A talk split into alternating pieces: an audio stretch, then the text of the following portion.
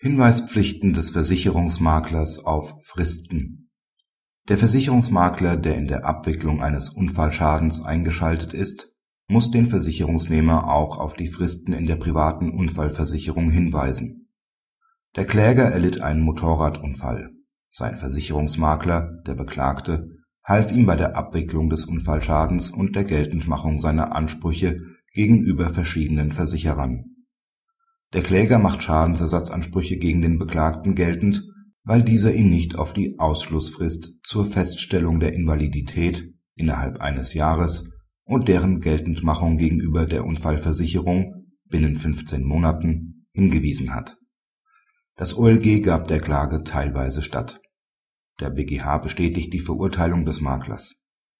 Der Makler ist wie ein sonstiger Berater treuhänderischer Sachwalter dessen Pflichtenkreis auch die Hilfestellung bei der Regulierung des Versicherungsschadens umfasst. Er ist, insbesondere im Hinblick auf den Inhalt der Versicherungsbedingungen, besonders sachkundig, so dass sich als Pflicht aus dem Maklervertrag auch die Pflicht zum Hinweis auf die Ausschlussfrist nach § 7 1 Absatz 1 AUB 1994 ergibt.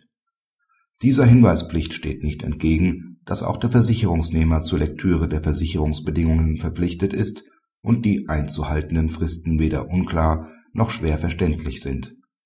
Der Versicherungsnehmer bedient sich gerade zur Wahrung seiner Ansprüche des Maklers.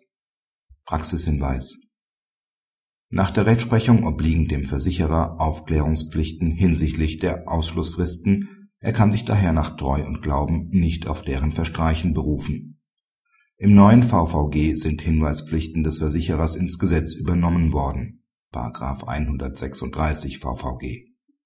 Dies ändert aber nichts daran, dass auch den Versicherungsmakler, der mit der Abwicklung eines Unfallschadens beauftragt ist, aus dem mit dem Versicherungsnehmer bestehenden Maklervertrag ebenfalls entsprechende Hinweispflichten treffen